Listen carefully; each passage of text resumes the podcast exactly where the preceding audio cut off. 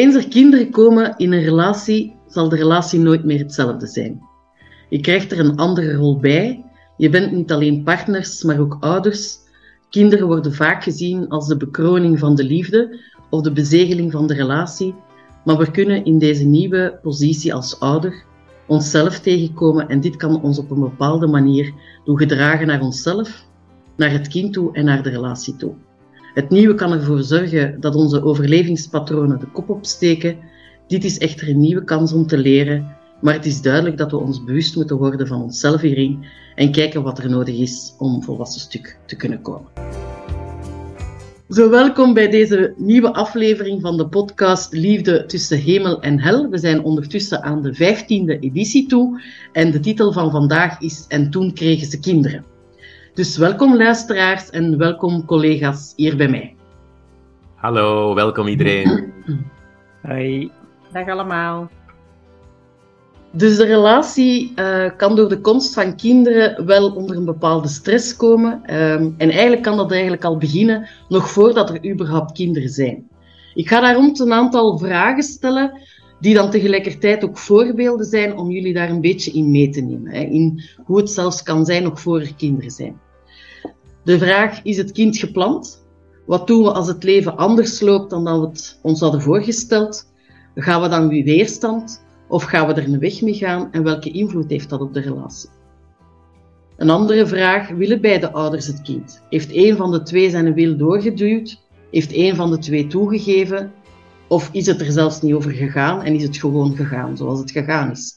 Hier worden relatiedynamieken voelbaar, hè, zoals macht, controle, maar ook pleasen of doen alsof er niets aan de hand is.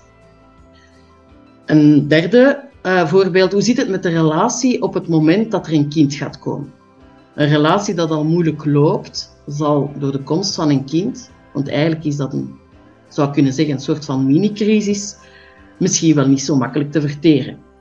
Kan ook een afleiding zijn om niet met de relatie te moeten bezig zijn. En als laatste heeft het kind lang op zich laten wachten, al dan niet door vruchtbaarheidsproblemen. Lijkt een leven zonder kinderen niet de moeite waard om geleefd te worden? Uh, is het een eigen kind of een adoptiekind? We kunnen ook zelfs spreken over pluskinderen die erin komen, maar oké, daar gaan we het vandaag niet over hebben, want dat gaat ons veel te ver leiden. Dat is misschien voor een andere keer. Um, dus hoe is het gesteld met de relatie als er al, enorm veel aandacht gaat naar kinderen nog voordat ze er eigenlijk zijn? Dus welke plaats neemt een kind dan in eigenlijk in de relatie? En op de laatste ga ik verder inzoomen, want dat gaat dan vooral over de aandacht die er kan gaan naar kinderen. De veelheid van aandacht eigenlijk.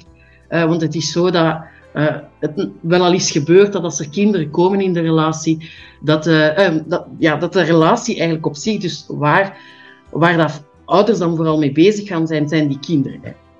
En dat de relatie eigenlijk enorm op de achtergrond geraakt. Nu, uiteraard is er een verschil tussen uh, baby's. Hè. Het zijn natuurlijk kleine kinderen en oudere kinderen. Uiteraard is daar een andere soort aandacht in nodig, maar sowieso denk ik dat we daar vaak veel te ver in gaan. En dan ga ik het eerst even hebben over de moeders onder ons, want ik denk dat de moeders onder ons uh, zich nog maar al, al te graag storten op onze kinderen. Uh, we willen die goede moeder zijn, hè. we willen het goed voor onze kinderen, we willen dat ze het goed doen vooral ook. We, we verbergen ons achter het moederschap om eigenlijk niet toe te komen aan ons eigen leven. Hè. Dus je voelt in al die gevallen dat we ons eigenlijk groot maken om eigenlijk een soort van kleinheid te gaan verbergen die er in ons zit. Hè.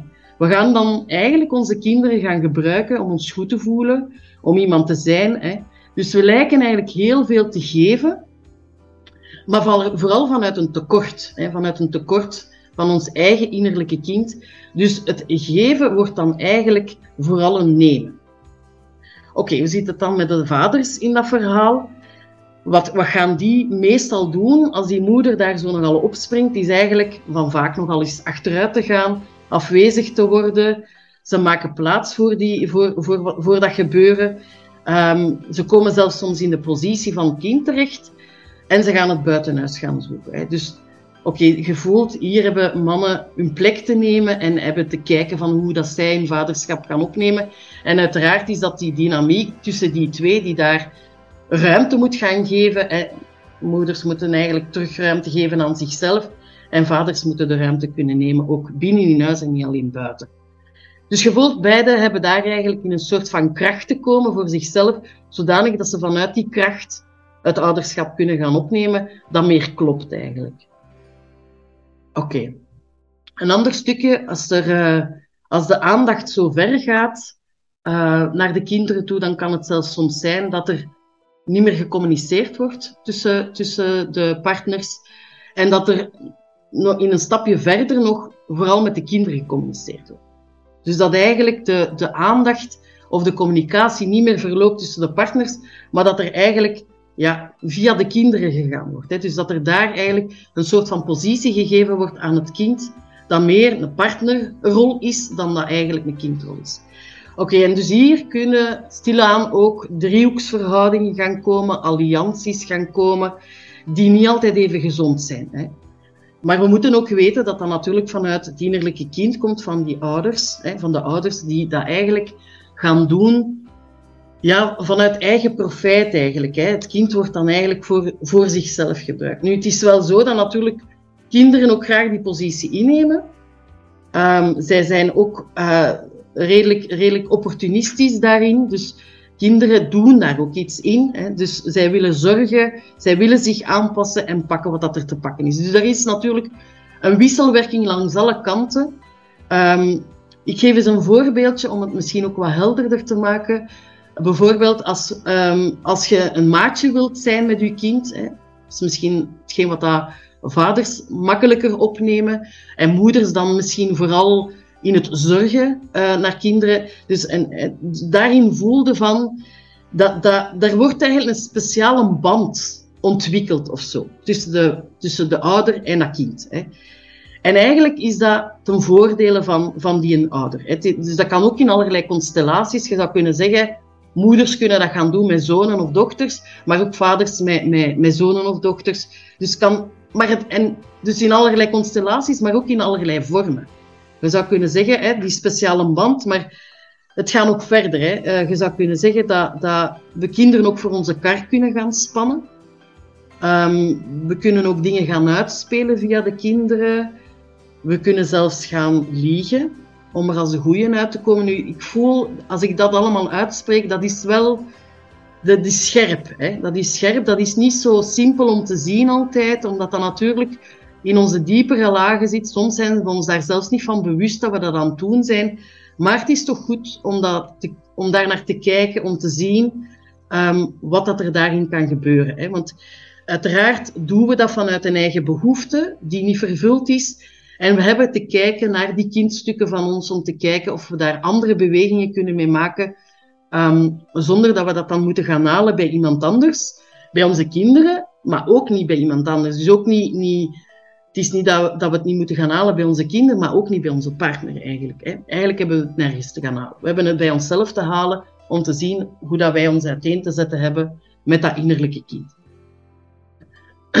nu nog een stapje verder in die, uh, in die allianties. Wat kan daar als gevolg dan ook nog eens op komen? Dat is dat de partner die niet in de alliantie zit, ja, in een soort van jaloezie kan komen, of in concurrentie kan komen, of zich uitgesloten kan voelen, of misschien de slechte kan worden. Dus je voelt ook de reactie die daarop kan komen, komt ook vanuit het innerlijke kind. Dus je voelt langs alle kanten, zowel degene die in de alliantie gaat, als die dat eruit blijft, als het kind eigenlijk ook, doet daar ook dingen in. Het is natuurlijk vanuit iets heel anders dat kinderen dat doen. Maar iedereen zit daarin verwikkeld op een bepaalde manier. Uh, en we hebben daar proberen dichterbij te komen, daar naar te kijken, dat proberen zuiver te krijgen. En natuurlijk, dat is een heel werk. Hè. Um, maar um, we kunnen daar openingen in maken voor onszelf. Ik ga het uh, daarnaast nog over iets anders hebben. Um, als we kijken naar alle beelden die er zijn, alle ideeën die er zijn uh, over ouderschap. Um, dat, zijn er, dat kunnen er heel veel, zoveel zijn als dat er mensen zijn eigenlijk. Uh, en daarom dat dat ook kan verschillen tussen partners. Uh, waardoor dat er ook spanning, spanningen kunnen komen in de relatie van daaruit. Um, we kunnen van daaruit misschien onze partner willen overtuigen. Of we gaan het onze gaan verdedigen. Of we gaan dat van een andere verwerpen.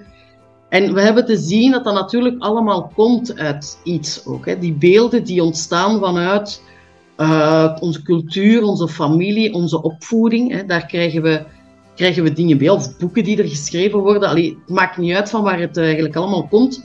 Maar dat, dat nestelt zich in ons. Hè. Dat zijn beelden die we, die we in ons meedragen. En uh, die, die kunnen we dan eigenlijk het idee gaan hebben van, van dat te moeten gaan doen met onze kinderen, of net niet. Hè. Want we kunnen natuurlijk ook vanuit hetgeen wat dat wij gekregen hebben, net zeggen van, zo wil ik het niet doen. Maar eigenlijk waar het over gaat, is dat daar een soort van lading op is. Of we het nu exact hetzelfde willen doen als onze ouders bijvoorbeeld, omdat we het zo goed vinden, um, dat is dan maar de vraag. Hè. De, de, kijk die we daarop hebben, het willen zien als onze ouders als perfect. Um, maar ook tegenover, vooral gaan, gaan in de weerstand gaan en zeggen van zo wil ik het niet doen. Ik wil vooral mijn kinderen gaan geven wat ik niet gekregen heb. Uiteindelijk gaat het vooral over de lading die erop zit. En ik denk dat het goed is voor onze kinderen dat die lading daaraf gaat. En ook voor onze relaties, dat die lading daaraf gaat. Want het is van daaruit dat we in strijd gaan. die beelden zorgen ervoor dat we daar in een soort van strijd rondgaan. En waardoor dat we eigenlijk heel moeilijk tot een soort van samen kunnen komen. Um, er samen uitgeraken van ja, hoe gaan we dit hier aanpakken, hoe gaan we dat hier doen. En dan wordt dat eigenlijk een, een getouwtrek en een moeilijke weg. Oké, nog een ander stukje waar ik toch ook even langs wil passeren, is dat uh, onze kinderen eigenlijk veel minder nodig hebben dan dat wij denken dat ze nodig hebben. Ook dat is eigenlijk een soort van projectie dat wij op hen uh, doen van wat dat liefde eigenlijk is, wat dat wij denken dat liefde is. Dus wij gaan onze kinderen eigenlijk verpletteren. Verpletteren met alles wat dat we in ons hebben, Um, we gaan ons opofferen, we gaan die alles geven. We, en eigenlijk zetten we die in een enorme schuld. Um, we, we, we, geven eigenlijk veel te veel. En we denken dat we hen helpen op die manier, maar het is eigenlijk integendeel. Het is eigenlijk, we maken het hen eigenlijk heel moeilijk. Hè. Vaak komt daar ook een soort van bezorgdheid bij, uh, waardoor dat er ook weer een soort van zware sfeer komt. Ook in de relatie, hè, omdat we dan ons zo bezighouden met die kinderen uh, dus het is, eigenlijk een soort van. Uh, ook weer lading die daar komt, die, die heel zwaar wordt eigenlijk. Hè.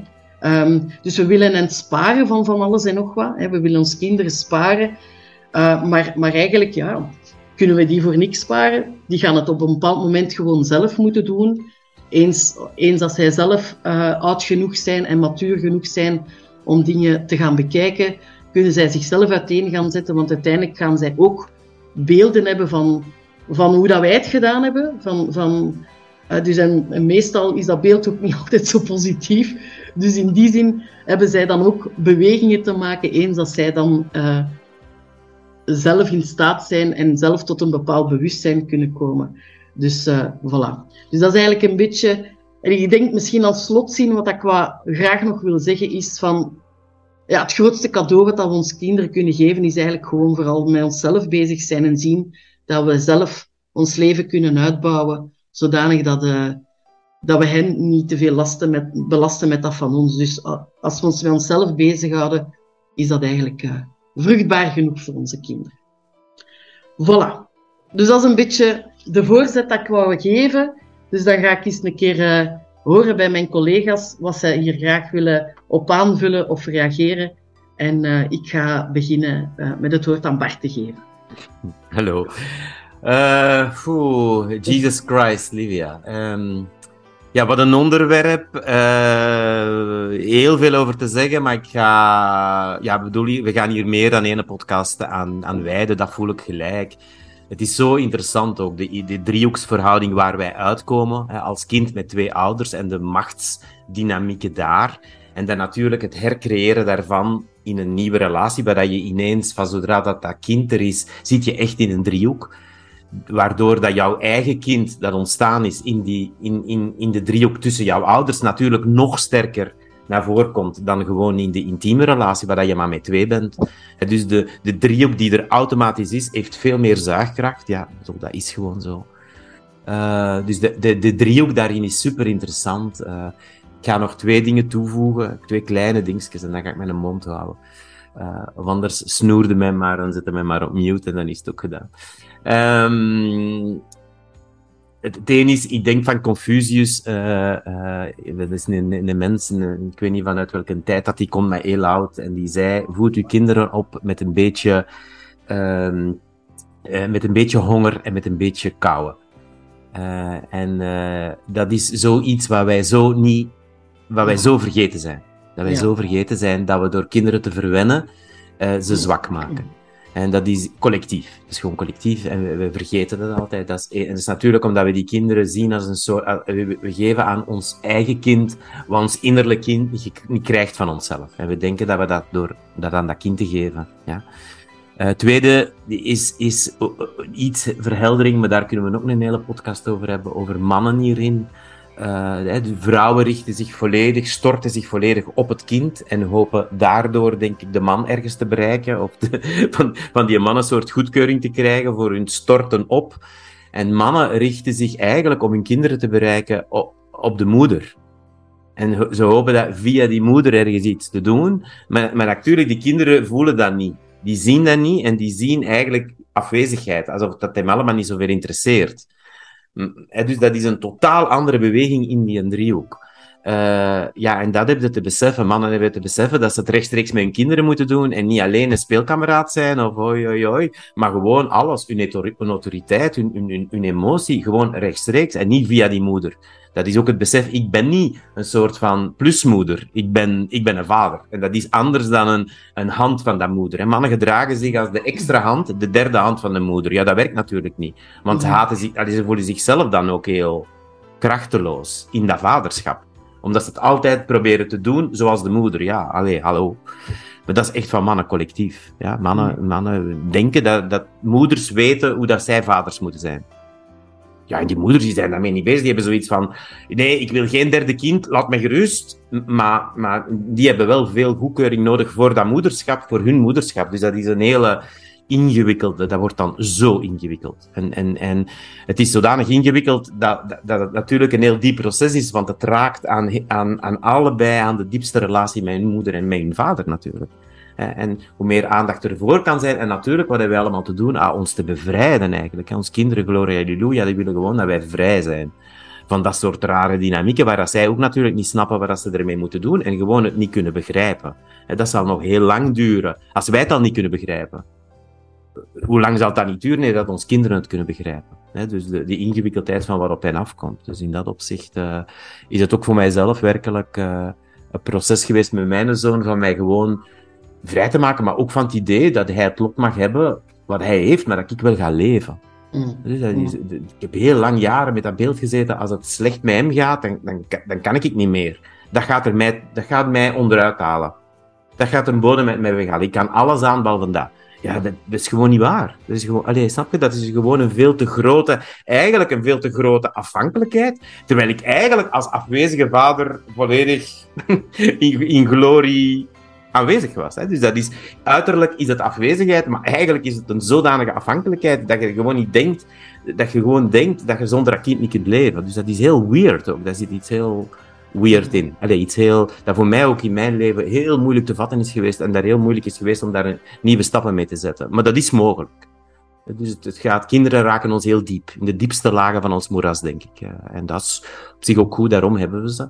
Dus dat is ook de kansen die erin zitten. Maar nu ga ik zwijgen, want eh, dus dank je wel voor, de, Ja, merci Bart. Ik ben eigenlijk heel blij dat je die pool van de, van, de, van de vader pakt, want ik vind het altijd wel een beetje als vrouw wel moeilijk om over de mannen te spreken, omdat ik denk van ja, die is niet, niet, niet aan mij om daarover te spreken, maar natuurlijk, als je het over het een hebt, heb je het ook over het ander te hebben. Dus um, het is misschien wel inderdaad interessant om het hele vaderschap ook nog een keer zijn plek te geven hierin. En net zoals het hele moederschap, want het is natuurlijk hier, zijn we allemaal een beetje sumier gegaan in die dingen, maar kunnen dan ook allemaal veel meer uiteenzetten. En wat dat ermee allee, helder wordt door wat dat je zegt, is dat het een serieus kluwen is, of een serieus web is waar dat je kunt in vastzitten. In al die verschillende lagen en al die verschillende relaties en al die verschillende dingen die ertussen kunnen zitten. Dus allee, ja, het, is, het is een uitdaging om daar, uh, om daar klaarheid in te krijgen. Dat is wat we natuurlijk ook proberen met ons werk. Uh, in onze sessies natuurlijk. Hè.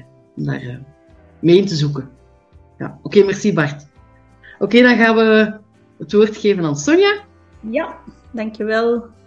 Um, misschien nog even op het, een uh, voorbeeld dat je geeft, Bart, daarnet, van uh, uh, als je zegt van ja, en die moeders zeggen dan tegen die mannen, ja, maar jij doet je eigen ding. Mijn ervaring in de praktijk is eigenlijk dat het tegenovergestelde, dat die vrouwen dat dus eigenlijk ook helemaal daarin meegaan en dus echt wel die uh, middenpool nemen tussen het kind en de vader. Eerder dan tegen die mannen te zeggen, maar zeg het zelf. Nee, die pakken dat en die, die gaan zij de vertaling maken van wat dat je vader eigenlijk wil zeggen aan dat kind. Um, ik ben het nu, ja, ik kom het nu regelmatig tegen, ook in het stuk van de relatietherapie, komt dat dan echt zo naar boven, dat ik denk van wauw, ja, dus dat kind krijgt echt zoveel belang dan ook in het stuk van de relatie tussen vader en moeder. Um, en daarin een, een, een ander voorbeeld, wat mij ook heel erg, wat een groot voorbeeld is eigenlijk van echt die driehoek tussen vader, moeder en, en kind, is een, uh, een vader die blijkbaar al uh, heel, heel lang een, uh, een minares had. En die als de zoon 18 jaar geworden is, gezegd heeft: En mijn taak zit er nu op en nu ben ik weg met de minares. En, en dat kind is er ooit gekomen omdat de moeder wist dat de minares er toen, 18 jaar geleden, eigenlijk al was. En hoe die dynamieken dan gaan van een moeder die die zoon echt ja, misbruikt heeft en, en op een troon geplaatst heeft als reddend kind voor de relatie. En die vader die ook echt gebleven is. En dan, oké, nu is hij volwassen, 18 jaar. En nu kan ik mijn eigen leven beginnen. Wauw, dat ik denk van wat een dynamieken inderdaad uh, er gecreëerd worden, gewoon totaal onbewust. En alleen maar denkend vanuit, ik wil het goed doen en, en dit is wat, wat ik nodig heb. Maar ook vanuit het onbewuste, dit is wat ik nodig heb. Hè? Dat is niet dat, dat, dat we dat expres doen of dat ik daarover nadenk van, ik ga dat nu doen, want dan krijg ik wat ik wil. Nee, maar onbewust gewoon, ik wil die man bij mij houden, dus ik ga hier nog een kind op de wereld brengen, zodanig dat hij blijft. Ja, dat is echt uh, ja, beelden waarvan ik echt wakker word soms tijdens de sessies. Hè, dat ik denk van, oh my god, wat gebeurt er hier allemaal? Um, ja, en er zijn natuurlijk nog een heleboel dingen waar ik verder op kan inzoomen. Maar net zoals we zeiden, van, het is goed om het in stukjes te knippen en eraan, een aantal afleveringen aan vast te plakken. Dus ik ga het hierbij laten met deze twee voorbeelden over de driehoek vader, moeder en kind. Ja, merci Sonja. Het is altijd heel tof dat je, dat je er wat voorbeelden aanhaalt daarbij, om het wat te spijzen, omdat het toch ook wel wat helderder maakt. En je voelt natuurlijk ja, hoe, hoe, ja, hoe diep en hoe ver het kan gaan eigenlijk. Hè? Hoe mensen echt... Uh, ja, en op, op die onbewuste laag, ja, die echt die kindstukken, ja. hoe belangrijk het is om daarin helderheid te krijgen. Want het is die die, als we daar niet helder over worden, die ja, gewoon in eigen leven leiden. Hè? En die, die, ja. Die, ja, die, die een enorme impact kunnen hebben. Ja. Merci, merci Sonja. Oké, Job, met u gaan we afsluiten. Yes, yes. Uh, ja, ik had wat dingen opgeschreven toen je aan het vertellen was en de andere. En dan haakte Sonja in op een voorbeeld van Bart. En nu wil ik toch eerst nog inhaken op het voorbeeld van Sonja. Is dat natuurlijk, hè, wat mij dan opviel in dat laatste voorbeeld, is van ja, dat die vader dan heeft gezegd van ah, ik tot mijn achttiende gebleven, nu kan ik echt gaan leven. Daar zit natuurlijk iets in, ook een stukje opoffering, waarvan je je de vraag kan stellen inderdaad van ja, is die zoon daar zo blij mee? Krijgt hij niet straks op een gegeven moment inderdaad die rekening betaald. Hè? Van, van ja, ik heb wel mooi 15 jaar daar bij jou en je moeder gezeten. Ja, daar heeft die jongen ook niet om gevraagd. Nee. Oké. Ja, ja. Maar uh, uh, dat zit denk ik, dat haakt een beetje aan wat ik wou zeggen. Inderdaad, van ja, dat, dat we inderdaad vanuit ons automatisme denk ik heel graag willen zorgen voor. Dus dat dat ook een manier is van zorgen voor. Um, dat ik denk van ja, uh, ja niet te veel geven. Hè? Jij zei daar iets over, Livia. Inderdaad, het soort van verwennen of heel veel zorgen. En um, ah ja, wat ik eigenlijk als eerste wou zeggen is dat uh, uh, van ons vier ben ik de enige die geen eigen kinderen heeft. Ik heb wel een pluszoon, maar dat is toch anders. Uh, misschien dat we daar nog een keer een hele aflevering aan gaan wijden, dat zullen we zien. Maar ik wil wel even zeggen dat wat ik heb gemerkt, twee verschillende dingen. Vanaf het moment dat de uh, in mijn leven, in onze relatie kwam, dat er aan de ene kant kwam een stukje jaloezie, want die kreeg een bepaalde aandacht of die mocht iets of weet ik veel wat, waar ik niet kreeg. Dus daar voelde ik wel jaloezie, maar ik voelde ook van ja, eigenlijk is dat toch niet tof. Dat hoort eigenlijk niet, dus dat was wel wel raar. En aan de andere kant, waar ik dan ook gelijk heel, waar ik dan heb gedaan, is toch ook wel heel fijn vinden om extra te zorgen. Om, om, om ja, extra pannenkoeken te bakken en allemaal lekkere dingen te maken of leuke dingen te gaan doen. En ik denk dat dat heel oké is om dat te doen met je eigen kinderen, met je pluskinderen. Maar dat het wel goed is om na te denken van wat zit daaronder. Want als dat eigenlijk vooral gaat van, ja, want ik voelde me dan heel goed. Ik vond dat heel fijn. Ja, en dan, dan kun je dynamieken gaan herhalen, ook wat je, hoe ouders voor ons hebben gezorgd. Van, ja, zijn kinderen dan nog vrij om, om, om, ja, om, om, om hun eigen ding te doen? Of voelen die wel aan van, ja, nee, ik moet wel, ik moet dit wat jij, wat jij zo belangrijk vindt om te doen, moet ik eigenlijk wel aannemen, want ja, anders dan kan ik jou teleurstellen. Hm.